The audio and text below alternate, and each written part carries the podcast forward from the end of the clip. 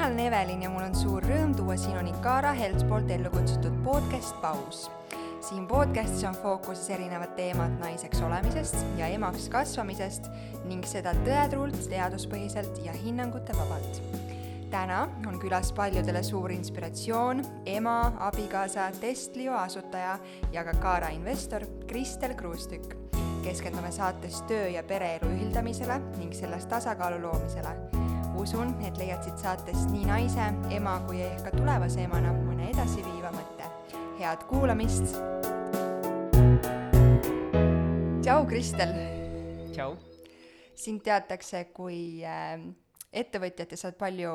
jaganud oma teekonda just äh, oma ettevõttega seotult ja nüüd sa oled viimasel ajal äh, väga palju panustanud ka sotsiaalmeedias oma näo näitamisele ja oma põnevamate hetkede jagamisele seoses nii oma töö kui ka perega. aga kui sa täna ennast tutvustad kellelegi, kes sind võib-olla veel ei tea, kuigi see tundub selline müsteerium, et kes ei tea, kes on Kristel, kuidas see võimalik on enamus maailma ei tea veel. siis nad, nad ei tea veel, millest nad ilma on jäänud. sind mitte teades aga kuidas sa ennast tutvustad? Ma olen Testlio asutaja, investor, ema, abikaasa, sellised märksõnad. kas see järjekord, millest sa praegu need ütlesid, on ka sinu kuidagi peas prioriteetsuse järjekord? ei ole, ei ole. pigem äh, ma arvan, et äh, Eestis noh, kindlasti on inimesed identifitseerivad mind äh, rohkem Testlio asutajana, et see on selline mille järgi mind, ma arvan, kõige paremini teatakse mm -hmm. ja mhm. siis kõik ülejäänud järgneb sellele. kui sa, sa oled jaganud oma lugu korduvalt, äh, kuidas see kõik alguse sai ja vist seda, et sa üldse ei arvanud, et sa siin lõpetad, kus sa täna oled Äh, ja ma võib-olla seda tööalast tausta nii palju ei tahagi täna puudutada, sest äh, selle kohta on võimalik kuulata erinevaid teisi podcast'e. kusjuures ma just vaatasin, sinu Instagrami profiilil on vist kõik su sellised suuremad äh, podcast'id ja avalikud esinemised üleval, on ju, et sealt leiab selle kohta infot? ma jah, olen ajalooliselt jaganud, aga ma nüüd püüan oma seda sotsiaalmeedia profiili natukene te-, ähm, natukene rohkem pa-, nagu paremaks teha seda, et inimesed sa teed seda juba saaksid. hästi. no ma tean, et mul on mõned asjad on hästi ja mõned asjad, noh, nagu ikka alati elus on äh, asju, mida saab palju paremini teha, et ma siin just ähm, kaks kuud tagasi võtsin äh, koolituse äh, ühelt Eesti äh, ettevõtjalt mm, -hmm. Katriinilt mm, -hmm. kes õpetab ka noortele just äh, noortele, vanadele, kõigile äh, kuidas siis kasutada Instagrami ja, ja sealt ma sain päris palju näpunäiteid, et ma juba tegin sellise oma loo sinna Instagramile, Instagrami ja nüüd ma tahan sellised väiksed snippetid oma elust, äh, ma ei tea, testlioga seotult, emaks olemisega seotult, äh, esinemistega seotult äh, sinna üles panna, et inimesed saaks kohe ülevaate ja saaksid aru, kellega tegemist on. ühesõnaga, neid lugusid leiab sealt, absoluutselt. Ähm, ma küll ei plaaninud sellest täna rääkida, aga miks sa üldse oled sotsiaalmeedias aktiivne, miks sa näed, et see kuidagi sulle või teistele kasulik on? Ma kaks aastat tagasi või, oli jah, umbes kaks aastat tagasi ma otsustasin, et ma hakkan, hästi teadlikult hakkasin äh, olema aktiivne äh, erinevatel sotsiaalmeediaplatvormidel, kuna ma tundsin, et meil ei ole piisavalt eeskujusid Eesti ühiskonnas, äh, just nagu kui me räägime naistest ettevõtluses, aga see on nii vajalik, et oleks rohkem naisettevõtjaid, et tu-, tuleks rohkem äh, ärimaailma mitmekesisust, äh, et tuleks tugevaid juhte. Ja, ja ma tu-, tundsin, et ma, et, et ma pean oma lugu jagama, et isegi kui see on selline nagu ähm, ekstra vastutus, siis ma tundsin, et ma, ma pean selle ka enda õlgadele võtma ja, ja nii-öelda näitama teistele naistele, et kõik on võimalik, et kui sa kasvad üles kuskil väikeses külas, nagu mina kasvasin Kosel, siis äh,, siis see et, et ma, et ma olen nagu ma ei taha, ma ei tea, see, et ma ise ütlen enda kohta, et ma eeskuju olen, et seda saavad teised öelda, kas ma olen eeskuju või mitte, aga ma kinnitan. Aga, aga jah, et ma kuidagi tahan julgustada noori naisi äh, kõiki naisi tähendab, et äh,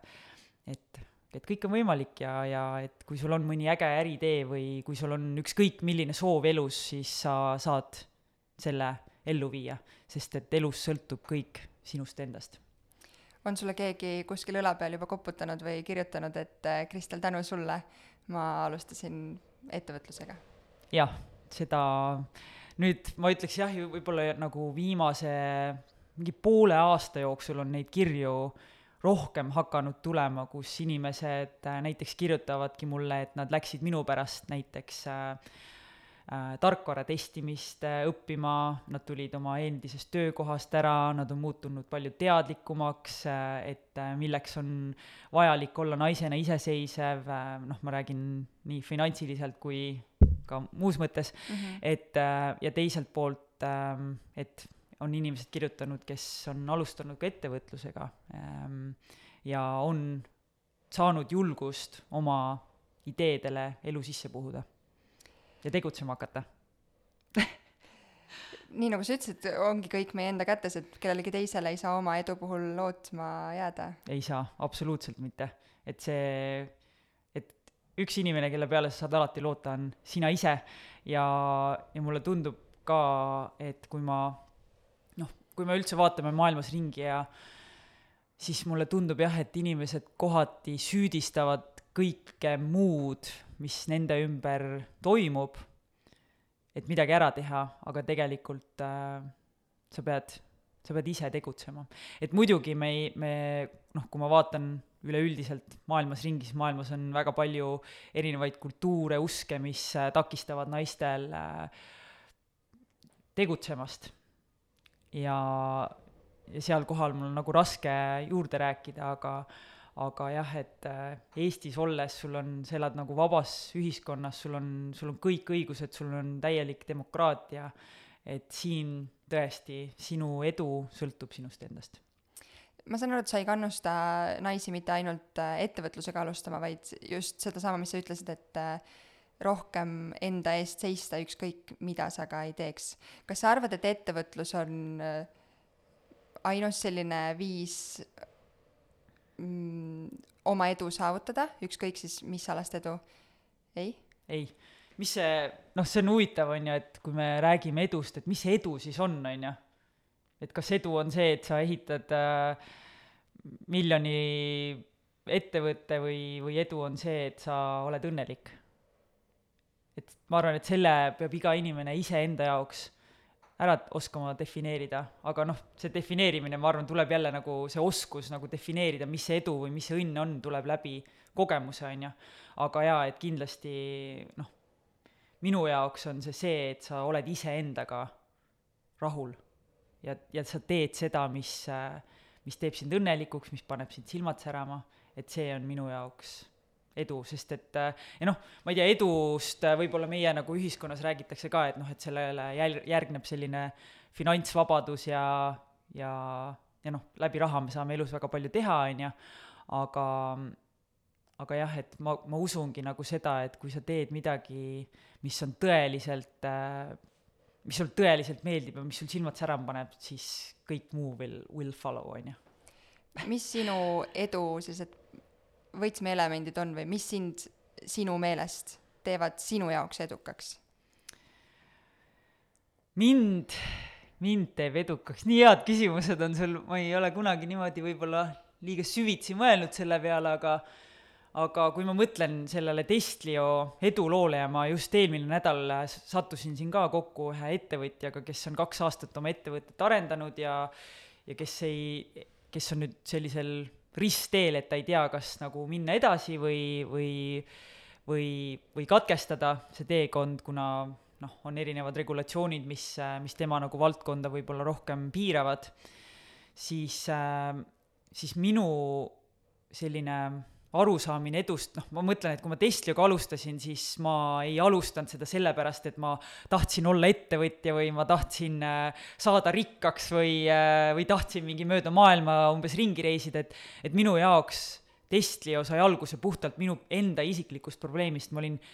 ma olin ülikirglik äh, oma selle valdkonna vastu ja siiamaani olen, on ju, et ma olen tänaseks testinud kümme aastat teinud, et ma olin tarkvara testimise vastu ülikirglik ja siis äh, kuna ma sattusin seal igasuguste probleemide otsa, siis ma tundsin, et, äh, et noh, nii ei saa jätkata, on ju, et see, kuidas testijaid väärtustati või ei väärtustatud, vastupidi äh,, oli minu jaoks nagu nii vale ja siis ma pidin midagi nagu ette võtma sellega. ja siis ma alustasin Testlioga ja, ja täna nagu, kuidas ma defineerin e-, edu enda jaoks, ongi see, et et ma tunnen, või noh, edu on kuidagi mingis mõttes selline liikuv sihtmärk kogu aeg, et, et ma saavutan mingisuguse eesmärgi, ma ei tea, alguses, kui Testliga alustasin, oli eesmärk võita globaalne häkaton ja kakskümmend viis tuhat dollarit. saavutasin selle ära, järgmisel hetkel oli mul juba järgmine eesmärk, et kuidas saada, ma ei tea, äh, miljoni äh, dollariline käive, on ju, ettevõttesse. ja siis kogu aeg, kui sa midagi saavutad, siis sa juba unustad ära selle, et sa selle ära saavutasid ja siis sul on juba järgmised eesmärgid, on ju, et aga mõnikord mul ikka, ma ikkagi tuletan meelde endale, et ma olen ma olen ikkagi midagi elus saavutanud ja et ma olen, äh, ma olen ikkagi edukas. sest et äh, mul on äh, ettevõte, millega, mille vastu mul on nagu suur kirg, mille, mille valdkond, kus ma tahan valdkonda tugevalt nagu edasi vedada, mul on äh, finants, finantsiliselt olen ma väga heas seisukorras äh,, äh, selle tõttu ma ka saan investeerida täna teistesse naiste poolt asutatud ettevõttesse nagu Cara, äh, kes juhib seda podcast'i ju mm, -hmm. ja, ja mul on selline harmoonia ka töö ja pereelu vahel kui palju sellesse eduvalemisse, nii nagu sa siia, sinu jaoks, mitte võib-olla eduvalem on siis vale väljend, aga see, mis sinu jaoks on äh, edu tähendus tänases mõttes, kui palju sinna see pere ja lapsed, äh, kui palju, kui oluline osa see kogu sellest suurest äh, möllust su ümber on? väga-väga oluline, et äh, pere ju toetus äh, sellele, mida ma teen, on, on alati minu arust hästi oluline, et see, et kui, kui sa midagi teed, siis ma arvan, et, et on oluline, et sul on inimesed enda ümber, kes, kes sind toetavad ja kes sulle kaasa elavad, on ju. aga aga jaa, et kui ma mõtlen selle, noh, ma sain lapsed neli aastat tagasi, noh, Aaron, ei oota, Aaron saab juba viieaastaseks, täitsa no, nagu aeg on nagu, aeg täiega lendab, aeg lendab, Aaron saab viieaastaseks juba. Ja viis aastat tagasi, kui ma Aaronit ootasin, siis siis mul oli, ma nii mäletan seda aega, kuidas mu sõbrannad, mõned naersid mu üle, et äh, ma kogu aeg rääkisin, et oi, mina lähen nagu kohe tööle tagasi ja mingi, et äh, ma tahan, äh, mul on vaja kohe ikkagi Testlioga nagu edasi tegutseda ja, ja selline mingi, ma ei tea, kust see ootus tuli mulle endale, et ma nüüd pean, et ma ei saa üldse pausi võtta töölt ja pean ikkagi edasi nagu tööd tegema intensiivselt, et kuskile jõuda, siis Aaroni sünniga mul tekkis selline, et sa saidki aru, et elus on, elus on ka palju muud peale töö ja ma võtsin väga teadlikult sellise aja maha enda jaoks ja, ja et olla selle oma kõige olulisema, ühe kõige olulisema inimesega nagu. kas sa maailmas. selle eelduse või ootuse endale panid ise, et sa tahad kohe kohe tööle naasta ja teha kõike edasi sama power'iga, mis sa olid varem teinud või see kuidagi ei, ma arvan, et see on ühiskondlik selline pinge äh, või see pressure või mi-, mis, mis, mis see ühiskond sulle nagu tekitab, on ju, et paratamatult mina ettevõtjana ju mõtlesin seda, et noh, et ma konkureerin siin ikkagi äh, teiste ettevõtjatega, kes äh, kes ei maga kes äh,, kes kogu aeg toimetavad ja ma kuidagi nagu paratamatult tundsin, et et äh,, et need teised ettevõtjad võtavad mult kuidagi turgu üle või äh, või jõuavad rohkem ära teha ja ja ja see, et ma tundsin võib-olla ka natukene alguses seda süüd, et noh, et ma ei saa enda, enda jaoks isegi aega võtta või ma ei saa oma pere jaoks aega võtta, sest et äh, muidu ma ettevõttena lihtsalt ei, ei arene kuskile. et ma tundsin niisugust äh, see oli kindlasti sihuke ühiskondlik surve, et noh, paratamatult me näeme ju maailmas väga palju seda kakskümmend neli seitse hustle kultuuri äh,, kuidas ma ei tea, siin ettevõtjad kuskil Silicon Valley's, noh, see oli aastaid tagasi, sellest äh, noh, lõpuks ikkagi tehti nalja ka selle üle, et kuidas oo, ettevõtjad ja töötajad kõik ärkavad seal, ma ei tea, Silicon Valley's kell neli öösel üles äh,, lähevad džimmi, teevad joogat äh,, siis kuulavad podcast'i, lähevad tööle, teevad tööd mingi kell kella, ma ei tea, kümneni õhtul lähevad koju ja, ja noh, nagu käib sihuke nagu nõiaring, et see on ainus võimalus nagu või võti nagu eduks, on ju. ja siis paratamatult mina, ma kasutan sõna paratamatult päris palju -hmm. aga et ma tundsin ka seda, et, äh, et hästi, et ma pean samas tempos nagu jätkama, et mu ettevõte oleks kõige suurem, on ju selleks hetkeks oli Testlio jõudnud või sa olid selle viinud juba tegelikult sinna, et kõik toimis ka ilma sinuta, ei? Äh,? ei, selle hetkeni äh, veel mitte, et okay. kui Aaron ikkagi sündis, siis sellel hetkel veel ei olnud me sealmaal, et äh, et äh, ettevõte oleks ise suutnud opereerida äh,, aga mul on alati, ma alustasin ettevõtte koos oma abikaasa mm -hmm. Markoga, on ju, ja, ja siis noh, me Markoga kuidagi niimoodi üksteise toel toel tegutsesime, aga mis juhtus siis sellel ajal, kui Aaron oli umbes pooleaastane, üks meie väga pikaaegne ähm, nõustaja ja ettevõtte üks esimestest investoritest äh, muutis oma karjääri või noh, ta, ta tuli oma endisest töökohast ära ja siis me leidsime suurepärase võimaluse ta endale tiimi võtta. -hmm. ja esialgu me isegi ei mõelnud selle peale, et ta võiks nagu tegevjuht olla ühel päeval, aga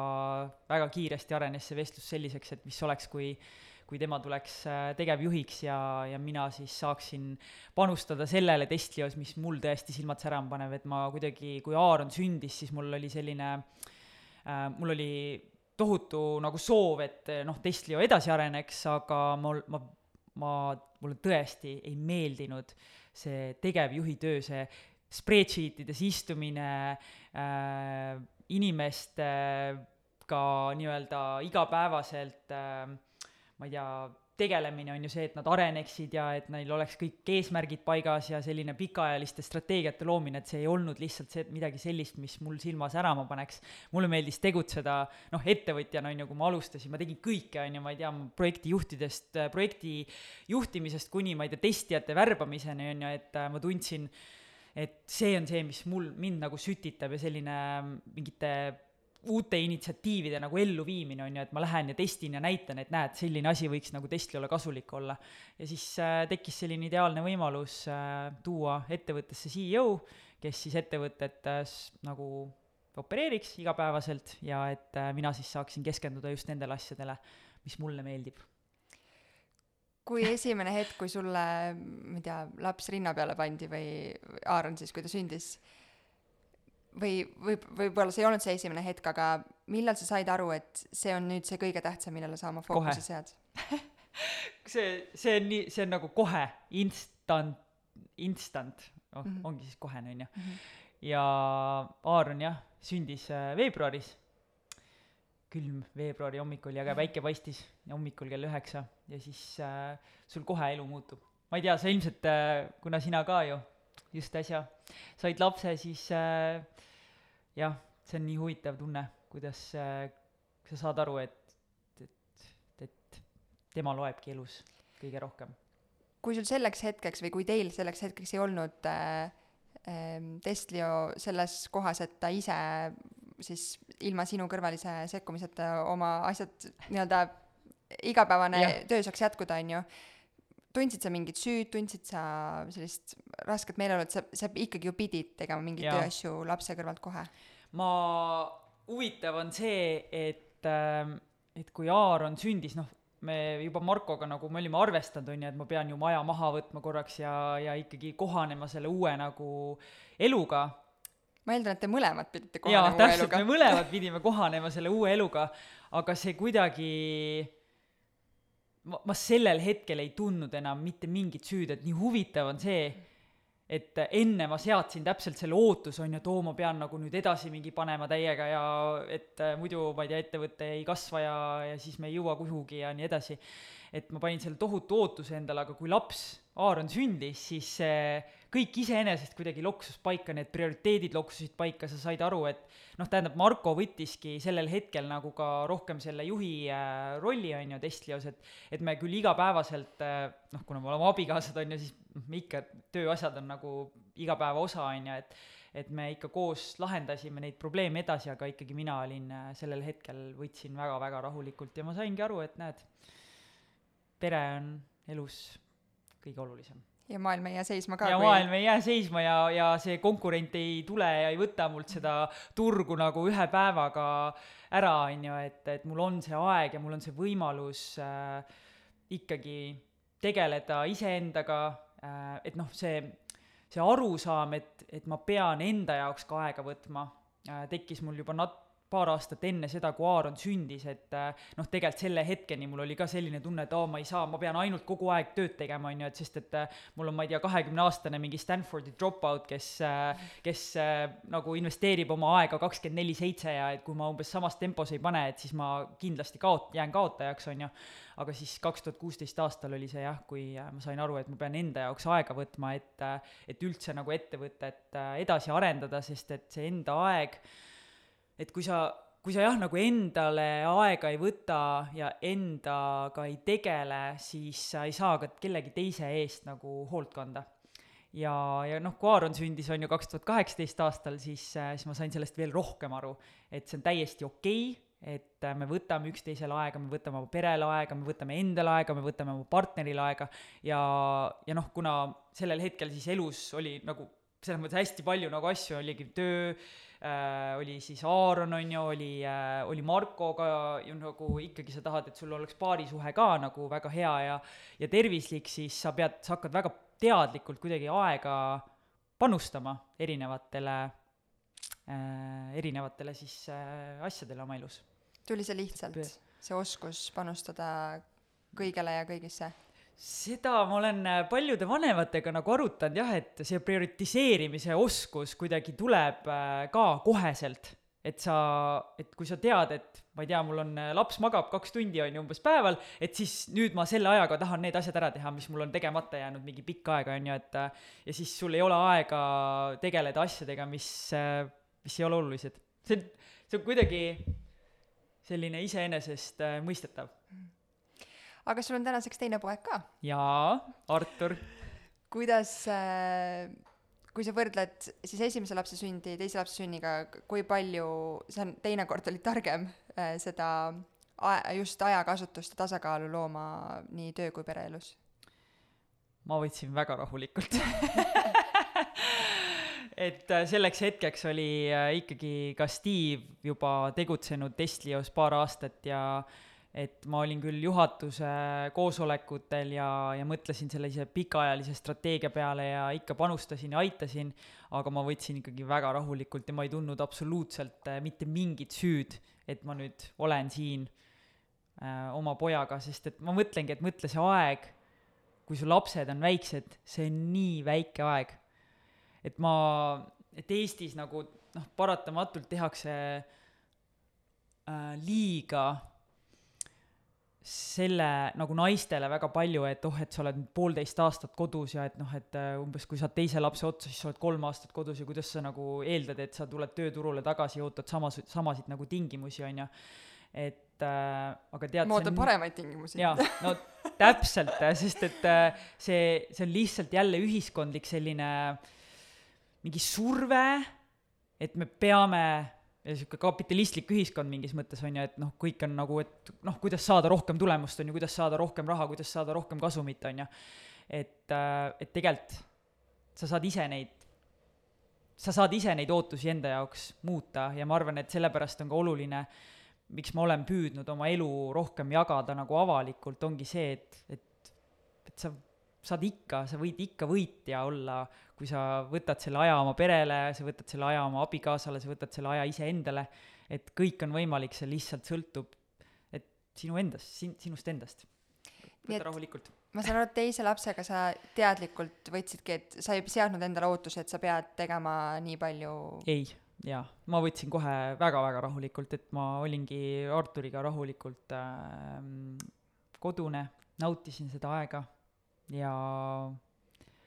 jah, et kui esi, kui Aaroniga oligi enne, just vaata, ma tundsin seda survet just enne Aaroni sündi, et kuidas ma nüüd investoritele ütlen, et äh, ma olen rase. ja ma kirjutasin sellest isegi blogipostituse Meedium, Meediumi sinna äh, kanalisse äh,, kus ma siis kirjeldasin seda pinget, mida mina emana tunnen, nagu tulevase emana, et ma nüüd olen rase ja ma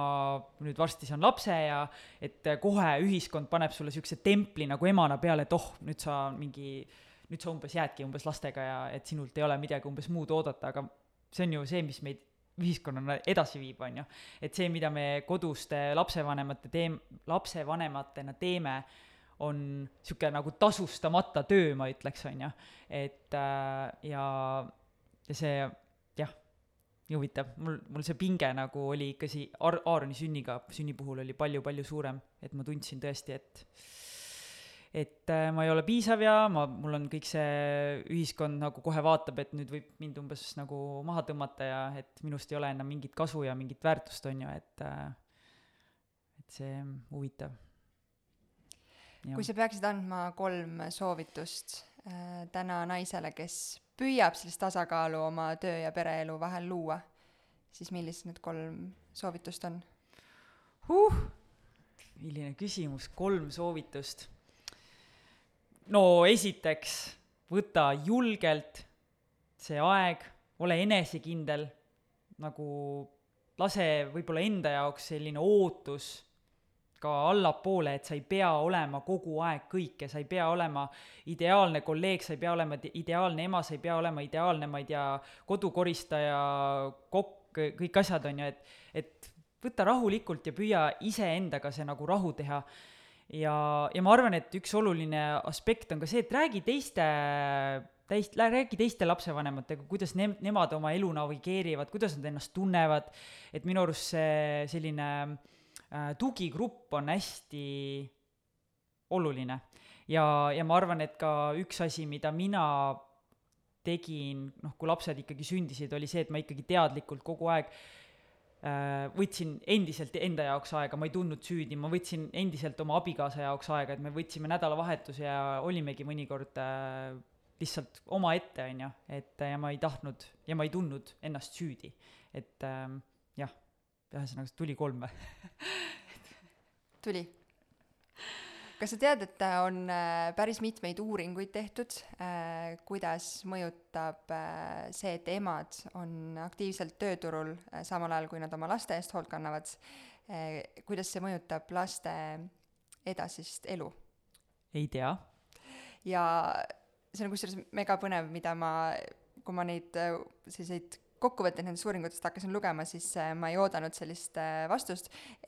aga poegade puhul, sorry, see on äh, natukene selline võib-olla mitte nii mm, ma ei tea, kas vähem uuritud või lihtsalt ei ole nii palju selliseid kindlamaid tulemusi sellest tulnud, aga tütarde puhul need emad, kes kasvatama tü-, oma, kasvatavad oma tütreid töötamise kõrvalt, need tüdrukud äh, on oma e-, elus äh, finantsiliselt edukamad, äh, nad saavutavad parema tööelu,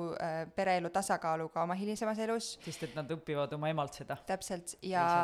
ja see on nüüd küll poiste ja tüdrukute puhul mõlemat, aga sellist, Eestis on selline väljend nagu rongaema, et kui sa noh, teed kõike korraga ja jooksed igal pool pea laiali, on ju et äh, ei ole sellist asja, nagu su lapsed vaataksid sind kuidagi kehvemini või et sa oled halb ema sellepärast, et sa tööd teed, et vastupidi, see annab väga palju lastele hoopis juurde. ja poisid lihtsalt oskavad äh, oma hilisemas elus valida neid naisi, kes on edukamad tööturul ja ähm, siis oma võib-olla oskustes äh, kaugemale jõudnud äh,, siis nende poiste, kui nende poiste emad on äh, olnud sellised töötavad emad samaaegselt, vot. väga huvitav mm. -hmm. aga ma arvan, et see on tore mm, -hmm. sest et äh, et noh, üks asi, mida ma olen nagu rääkinud ka, on see, et tihti nagu tundub, et kui me saame lapse, et siis me, et siis kuidagi üks osapool vastutab rohkem, on ju, et noh, et by default kohe läheb kõik nagu ema, ema kanda, on ju. aga tegelikult ju me saame lapse koos, et me siis peame ju koos vastutama ja olema võrdsed selles äh, selles pereelus on ju, et ma siin just üks päev või üks nädal, üks kuu käisin äh, seal Soomes on ju, pidin kaheks ööks ära minema kolm päeva ja siis äh, ja siis see oli nagu selles mõttes, et meil ei ole mingit diskussiooni isegi kodus, et kuule, mul on nüüd reis on ju, ma pean ära minema, noh, kõik default, noh, et Marko teab, mis, kuidas kõike ära tuleb teha, on ju, et et ei olnud sellist et oh my god, kus ma mingi lasteriided leian või äh, kuidas ma neid ikka hommikul nüüd ära saan viidud, et et meil on kogu aeg kõike, me oleme koos teinud ja me oleme, koos teame, mida teha, kuidas teha. kas sa nõustud sellega, et Eestis tegelikult see süsteem äh, ennekõike naistele, aga tegelikult ka peredele terviklikult, äh, kuidas äh, see poolteist aastat äh, tööst eemalolekut ähm, näiteks siis finantsiliselt on tagatud, kas sa arvad, et see on hea süsteem? no minu arust on see väga hea süsteem. et kui ma mõtlen selle peale, kui, kuidas noh, kogu ülejäänud maailm opereerib, et meil on USA-s näiteks kolleegid, USA seaduse järgi peab ettevõte andma kaks nädalat tasuta puhkust, ehk siis ettevõte peab andma emale, tulevasele emale puhkust kaks nädalat, aga see ei ole tasustatud riiklikult mitte kuidagi ja pärast kahte nädalat sa pead tööle tagasi minema ja mis selle tõttu juhtub, on see, et noh, väga paljud naised kukuvad tööturult üldse ära, sest et äh, meil kõigil on väga erinevad sünnitused, väga erinevad kogemuslood, väga erinev äh, kõik see lapseootusaeg, on ju, et äh, see on, see on, see näitabki seda, kuidas ühiskond on juhitud väga tihti meeste poolt, et nad ei isegi ei kujuta ette, mida tähendab see, et sa kannad last, sa sünnitad, sa kannad hoolt et see, see on hästi nagu katkine süsteem ja minu arust Eestis me ei peaks sellele kuidagi viltu vaatama, et ma tunnen just, et emad või isad, kes saavad nagu noh, kui sa saad lapsevanemaks, su elu, sa oled nagu palju parem inimene, sa suudad palju paremini prioritiseerida, sa oskad palju paremini, ma ei tea, erinevaid asju korraga teha, on ju, ja olla palju efektiivsem, et see peaks sinu punkte või seda nagu taset kohe nagu hüppeliselt tõstma ja seda on ju, seda ju näitab igasugune uuring ka, et huvitav on see, et emadele see lapse saamine mõjub halvasti tööturul, aga isadele on see see, et oh, kuule, nüüd sa oled nagu juht. et nüüd sa oled nagu mees, et sa said lapse, on ju, et noh, nüüd me peame sulle umbes nagu kõik juhi mingid äh, rollid ja ametid andma, aga naiste puhul vaadatakse seda, et oi, et kuule, et et noh, et kui umbes kohe ootus on ju see, et aa, sul, sul on laps et kui laps haigeks jääb, siis kohe automaatselt ema on lapsega kodus. et noh, et siis me ikkagi ei saa sulle seda palka juurde andma, et pigem peame umbes ära võtma, et aga see ongi see, et me peame sellest ühiskonnas väga laialt rääkima, rääkima nendest probleemidest ja, ja nagu nõudma seda, seda õigust, mis, mis tegelikult, mida me väärt oleme siin käis või see teema, millest me praegu oleme rääkinud, on küll siis väikeste laste kõrvalt samaaegselt töötamine, eks. aga kui on nüüd neid naisi, kes täiesti normaalne on võtta aeg sada protsenti oma lapsele äh, ja. ja siis naasta tööturule. ma kujutan ette, see võib päris keeruline olla äh,. kuidas neid naisi toetada või kuidas iseennast sellel teekonnal toetada, mis sa arvad?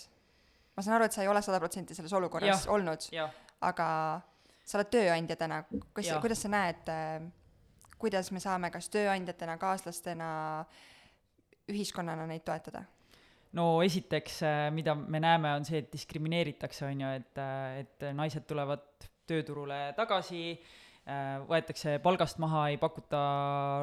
selliseid juhi rolle või pakuta karjääri nagu, karjäärile seda arengut, et see, sellest tuleb rääkida, nendest diskrimineerivatest lugudest tuleb rääkida, et meil saaks see asi nagu ära lõppeda. ja, ja mis veel on minu arust oluline tööturule tagasituleku puhul, ongi see, et et sa räägi teiste lapsevanematega, ole toetav nagu ettevõtte omanikuna või juhina ka, et ähm, ja, ja nagu ma arvan, et ma, ma ei, ma tegelikult ei saa üldse aru, kuidas, miks inimestel tekib see arvamus, et kui nüüd naine on kodus olnud, oletame, kaks aastat või kolm aastat isegi oma laste kõrvalt, et siis või on, see võib mees ka olla, on ju, Eestis veel eriti mm, -hmm. et, et miks, miks see nagu, ma ei saa aru, miks on nii, et, et meile kuidagi vaadatakse see, selles, selles osas nagu viltu, ma ei saa aru sellest tegelikult. et äh, noh, mina igatahes soovitan juhtide ja ettevõtjatena olla nagu na-, nagu tööturule naasevate lapsevanemate osas hästi toetav, äh, anda kõik võimalused, kõik tööriistad selleks, et äh, et äh, inimene saaks ilusti tööle naasta, et tal oleks see arenguvõimalus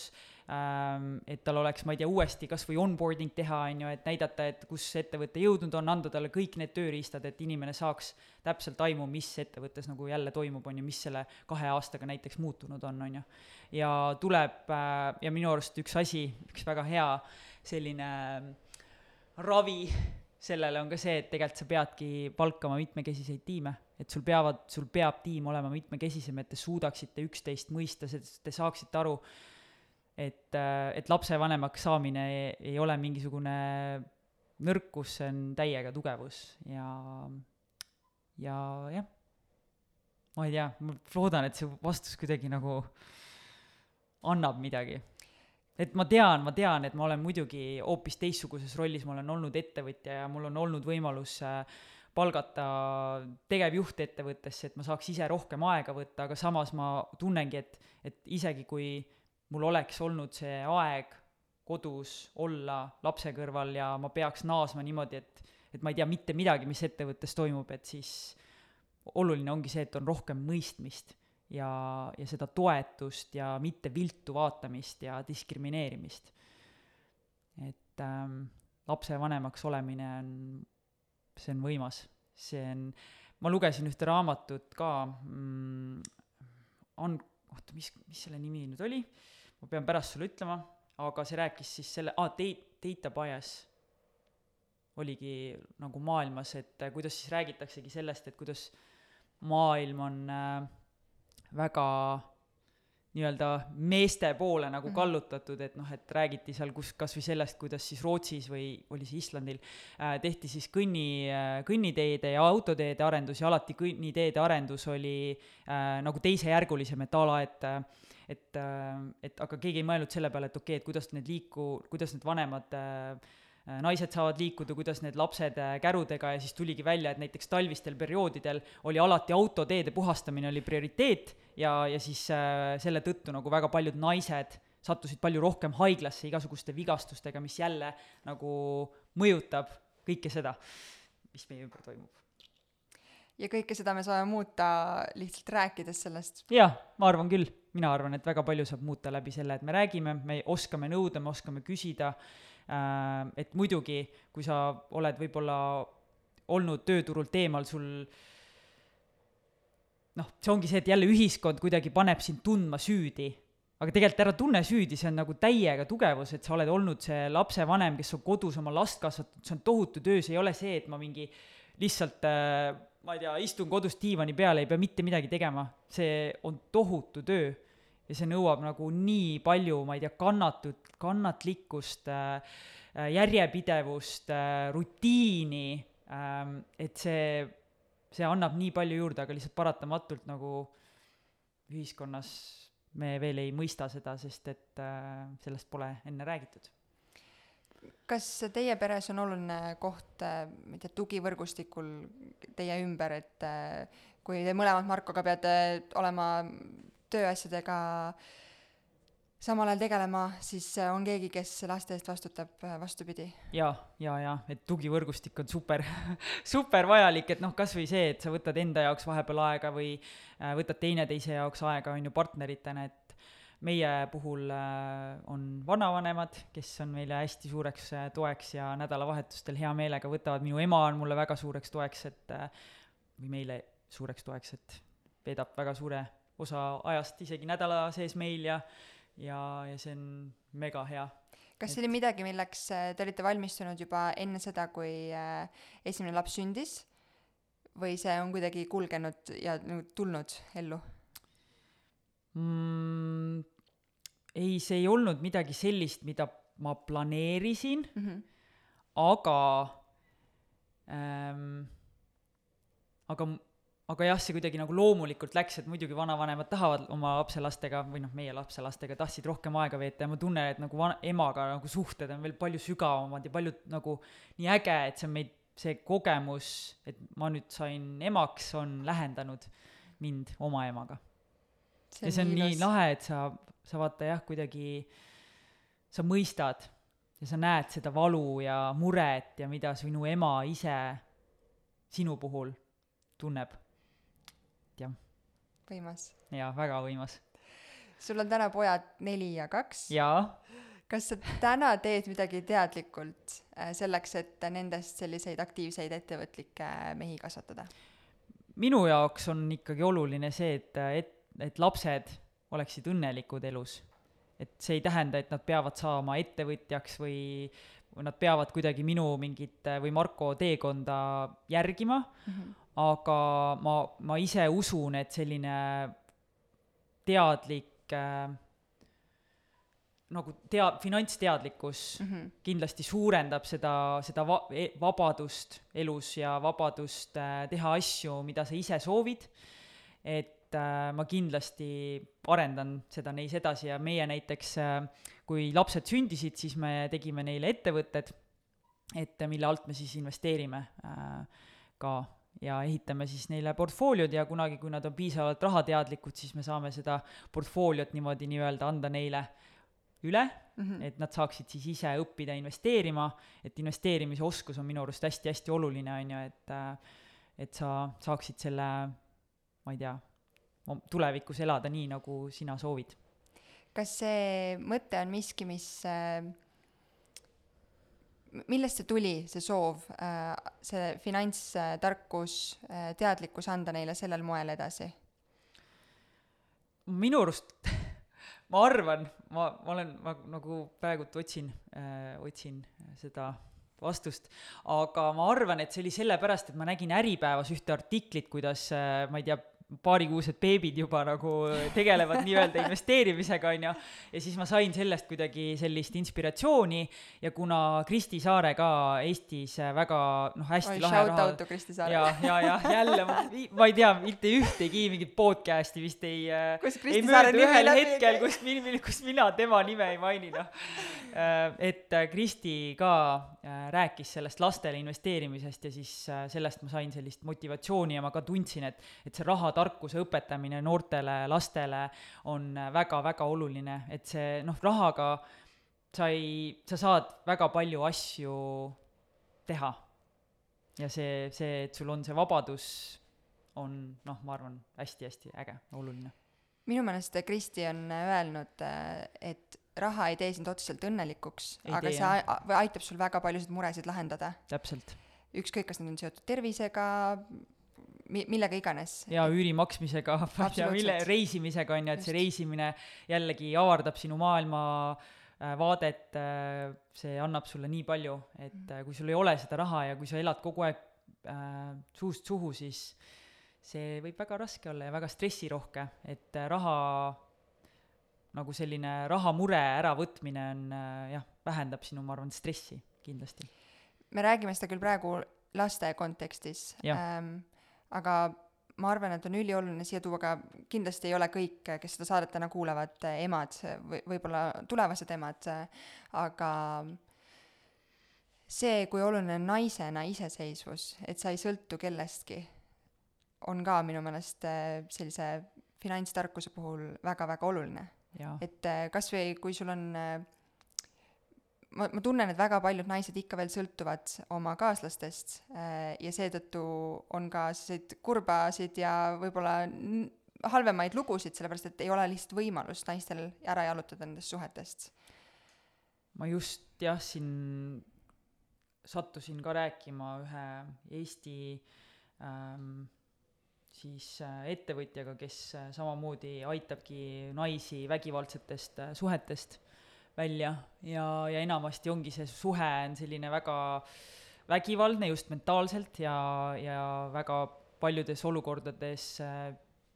ongi see, et ühel osapoolel lihtsalt ei ole raha ja tal ei olegi võimalust, et sellepärast on see finants, finantsiline iseseisvus nagu nii noh, nii-nii oluline, et sa, et minu jaoks on see algusest peale samamoodi väga oluline olnud, et miks ma läksin üldse alguses tehnoloogia valdkonda, läksin valdkonda, millest ma mitte midagi ei teadnud, mille vastu mul ei olnud mitte mingit huvi. ma läksin sinna sellepärast, et ma teadsin, et äh, kui ma lähen tehnoloogia valdkonda, ma leian alati sealt töö, mis mind äh, iseennast ära elatab ja ma ja ma olin äh, kahjuks oma ka lapsepõlves näinud seda, kui üks osapool sõltub liiga tugevalt teisest kuidas see mõjutab meie toimetulekut elus ja, ja minu jaoks oli see väga-väga oluline, et ma lähen teen midagi elus, mis mind alati ise ära elatab. et ähm, jah, nagu sa ise ka ütlesid, on ju, et, et tihti on see, et võib-olla naised nagu toetuvad rohkem mehele, et äh, ühiskonnas jälle on see, et oo, et mehed toovad ju selle leiva lauale ja, ja naised on siis kodus, kasvatavad peret aga see ei pea olema niimoodi, me võime ju neid stereotüüpe murda ja, ja noh, vanasti me tulemegi sellest ajast ju, kus, kus äh, füüs-, töö oli rohkem füüsiline, on ju, et ma ei tea, hariti põldu ja siis oli rohkem jõudu vaja ja siis sattuski nii, et noh, naised jäid, on ju, koduseks, kasvatasid lapsi, mehed äh, käisid siis põllu peal, on ju, harimas äh, ja aga nüüd on see muutunud, me oleme, elame hoopis teistsuguses ühiskonnas, aga need mustrid millegipärast on siiamaani, siiani üle kandunud. see ei pea nii olema. nii et naised, võtke oma jah, finantside eest vastutus ja, ja keegi ei pea teid ülal pidama. aga mul on hea meel, et sellest väga palju räägitakse ja. täna ja on väga palju eeskujusid äh, ja ma loodan, et see jõuab äh, nagu reaalsusse, reaalsesse maailma ka ja praktikasse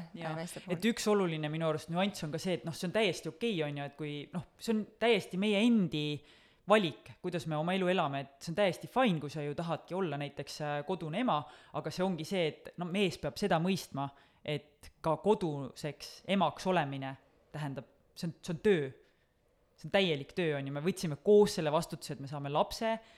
ja, ja see, et mina nüüd jään nagu koduseks, see on ka minu jaoks töö ja, ja noh, selles mõttes, et see kuidagi need finantsid peaks teistmoodi nagu jaotatud olema, et ei ole nii, et vara on ainult ühe inimese käes, on ju. Mm. et see, et aga ongi tore, et Kristi Saare näiteks tegeleb ka sellega väga palju, et äh, et julgustada just naisi nagu, et isegi kui sa oledki kodune ema see on väga tore ja, ja nagu see, see võikski nii olla, on ju, et aga et sa ei jääks sellesse olukorda, kus sul ei ole mitte midagi nagu tagalas mm me rääkisime või sina rääkisid õigemini äh, tõid oma jutus sisse investoriks olemise ja investeerimise. jaa. ja väga-väga suur rõõm, sa oled äh, Kaara investor. jaa. miks sa otsustasid Kaarasse investeerida? ma alustasin investeerimisega eelmise aasta lõpus ja siis ma kohe alguses otsustasin, et minu jaoks, ma tahan investeerida ettevõtet, ettevõtetesse, mis on mitmekesised ja, ja siis, kui Kaara siin suvel minuga ühendust võttis, siis ma kuulasin nende lugu, ma sain aru nende probleemist ja, ja ma tundsin, et ma tahaks olla osa nende eduloost. ja, ja miks Kaara oluline on, ongi see, et nad toimub selline teadvustamine, see, et me täna räägime nendest teemadest, ma ei tea, emaks olemiseks, lapsevanemaks olemisest, finantsvabadusest, millest iganes, et see, et tekiks selline teadlikkus meie ühiskonnas, et, et emadel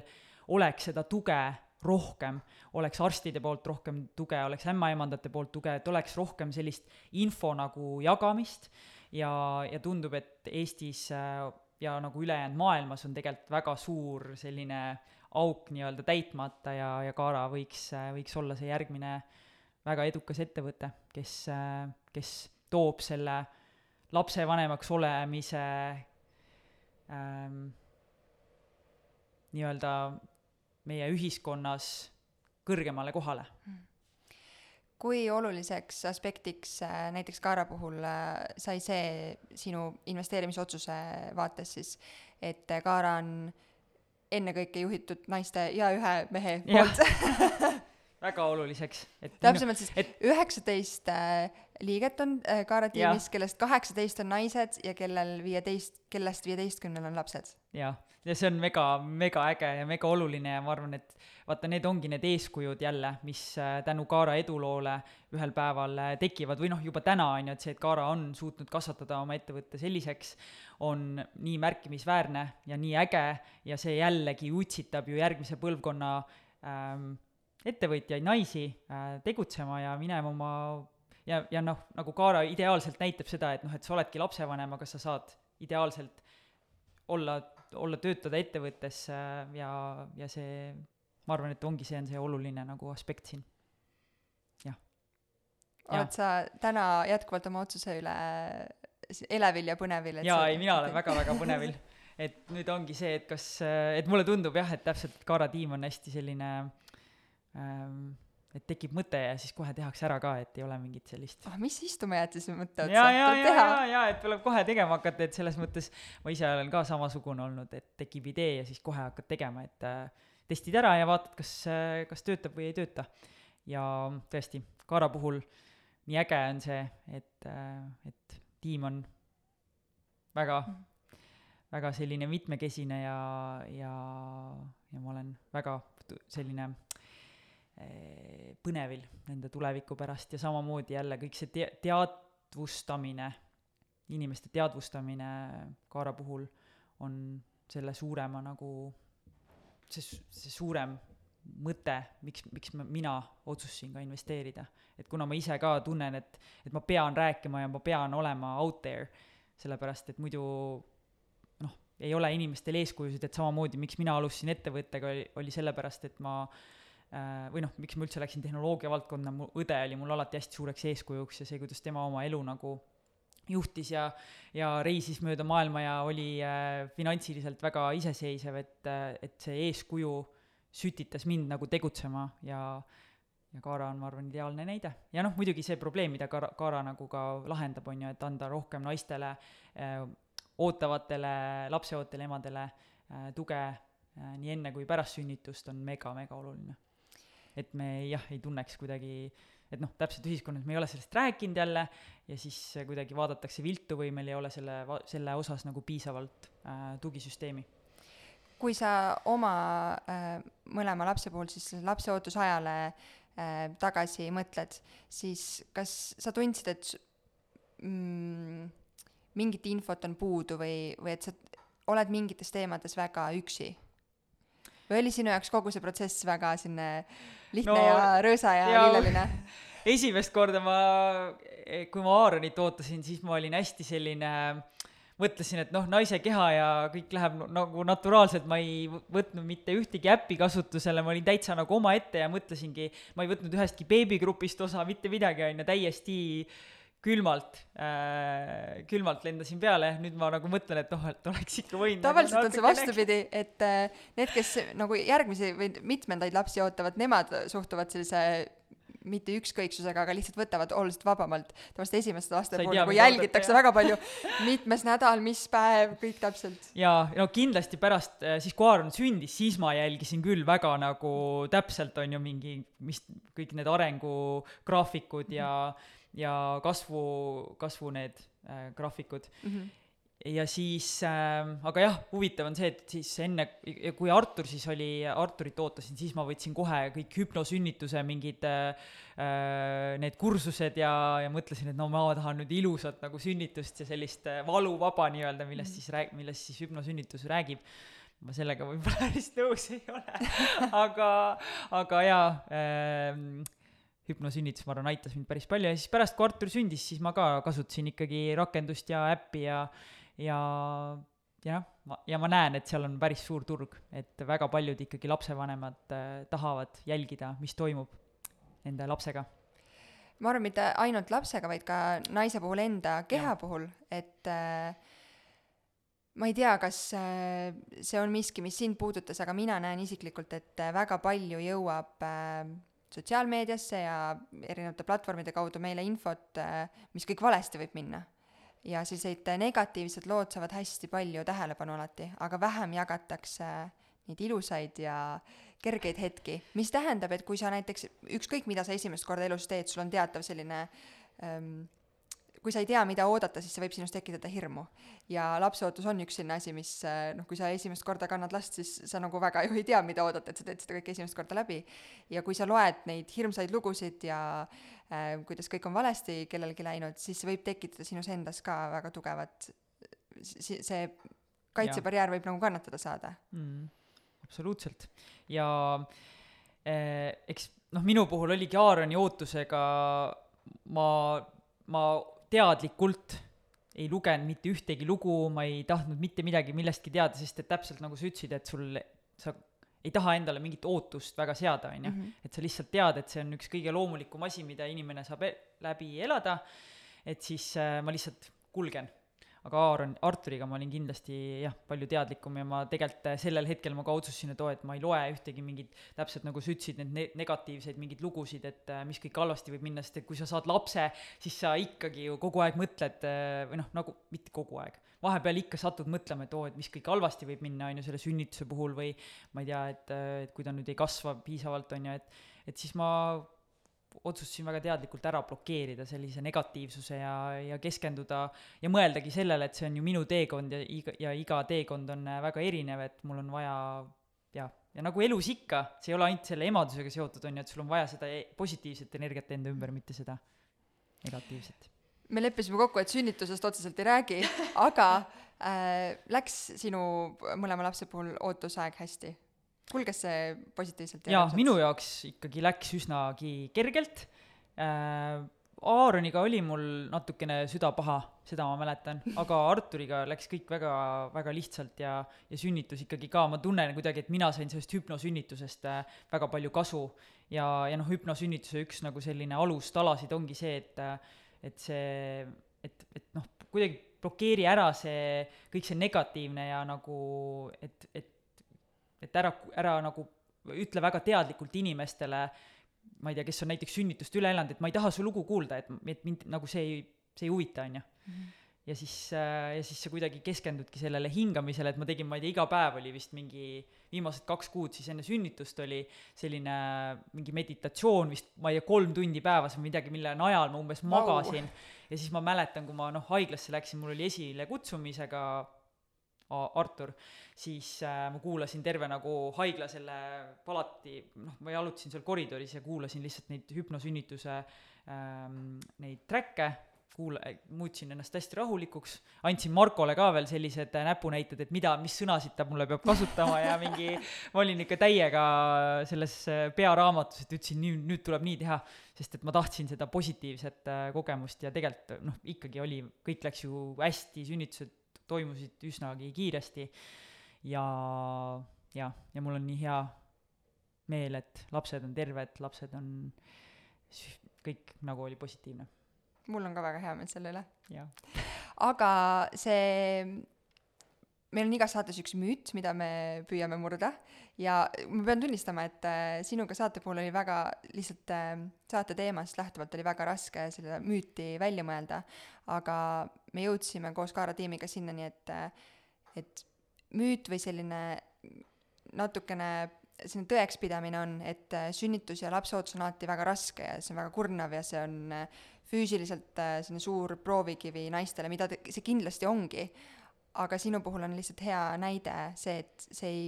see ei pea olema tohutult raske ja sa saad äh, oma mõtteviisiga vist väga palju muuta, eks? jaa, täpselt nagu elus eneses ka, sa saad iseenda mõtteviisiga nii palju muuta, et äh, ma just siin üks päev ka rääkisin kellegiga, et äh, et kuidas me elus peame selle negatiivse oma elust nagu ära blokkima ja mulle on ka öeldud, oi, sa oled, ma ei tea, liiga positiivne ja aga ma valin Päriselt olla jaa, aga ma olen, ma valingi olla positiivne, et mis see negatiivsus mulle annab, et mida see annab mulle. et muidugi mul on halvad päevad ja, ja, ja ma ei karda neid äh, peita teiste eest ja ma räägin ka mõnikord sellest avalikult, on ju, aga, aga ma igatahes valin olla positiivne ja, ja olla optimist elu suhtes ja, ja see on, ma arvan, oluline. see on üks äh, väga hea mõte, millega see saade lõpetada. Oled sa nõus? jah, et valida positiivsus. jah, valige. positiivsus, jah. aitäh sulle, Kristel. sinuga oli väga-väga tore jutustada. aitäh. tšau.